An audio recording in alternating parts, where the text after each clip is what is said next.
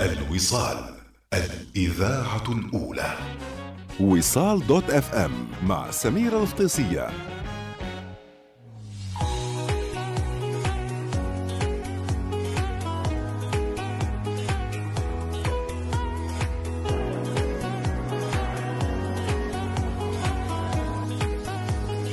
أمس كنت أريد أخبركم عن القرية النائمة لكن حتى أنا نسيت. لكن اليوم بخبركم عنها مستمعين القرية النائمة. في الأسطورة القديمة يقال أن النوم انتصر أمام كل من الريح والمطر والشمس وانتزع لقب السلطان لذلك صار النوم سلطان. فالنوم سلطان وعرشه في قرية كالاتشي اللي تبعد 300 ميل عن المدينة الكازاخية أستانا حيث يسقط السكان فجأة في نوبات من النوم لأيام متواصلة لا يستطيعون النهوض أو الاستيقاظ حتى أطلق على القرية القرية النائمة. شيء غريب شيء عجيب. إيش قصة هذه القرية مستمعين؟ خلونا نتعرف وياكم.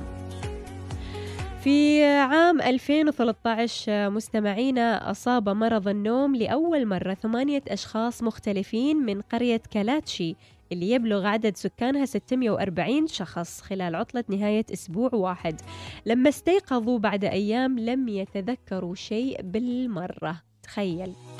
كذا تمشي في الدرب تطيح خلاص أنت نايم. فجأة كنت تشتغل على كمبيوترك ما تحصل نفسك غير نايم وتنام لفترة طويلة. ما تحس بأنك أنت أصلا نايم. بدأ السكان مستمعون مستمعين ينامون واحد تلو الآخر. فبغض النظر عن موقعهم أو ما يفعلون ثم يسقطون فجأة في سبات تام. طبعا يقال أن 152 حالة أصيبت بنوبات النوم المفاجئ في قرية كالاتشي ففي تفسير شعبي لهذه الظاهرة مستمعين يقال على مدى عامين احتار العلماء والأطباء والمسؤولون في تفسير ما يحدث. اختبروا المستويات المتزايدة من الإشعاع وأول أكسيد الكربون والرادون وتراكم أملاح المعادن الثقيلة اللي يمكن أن تكون سامة. وأجروا أكثر من عشرين ألف اختبار معلمي وسريري في الهواء والتربة والماء والغذاء والحيوانات مواد البناء وعلى السكان أنفسهم واعتقدوا أنهم أصيبوا بذهان جماعي. وطبعا في ظل عدم وجود حقائق علمية مؤكدة تكهن العديد من السكان بأن مصدر المشكلة هو منجم اليورانيوم المهجور من الحقبة السوفياتية والموجود على أعتاب القرية.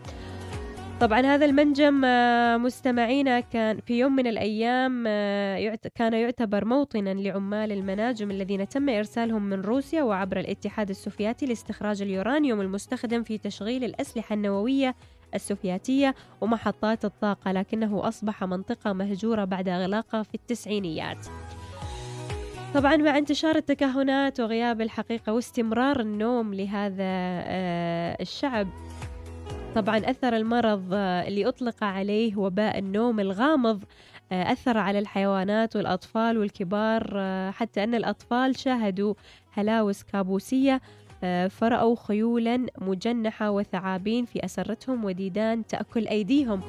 يعني ما بس وباء النوم وخلاص تنام لا يجيك كوابيس وما غير طبعا الصداع وغيره من الأعراض اللي كانوا يعانوا منها هذيل الشعب.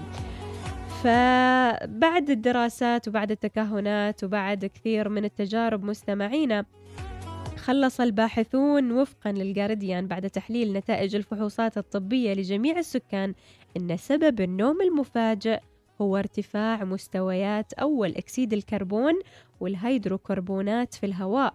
وأوضحت الحكومة أنه رغم إغلاق مناجم اليورانيوم ما زال مستوى أول أكسيد الكربون مرتفعا في هواء القرية مع قلة نسبة الأكسجين وهذا هو السبب الحقيقي لمرض النوم المفاجئ في تلك القرية كما تنبأ سكانها بالفعل.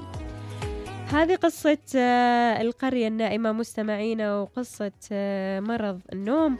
لكن والله شيء غريب يعني كذا فجأة يناموا سبحان الله.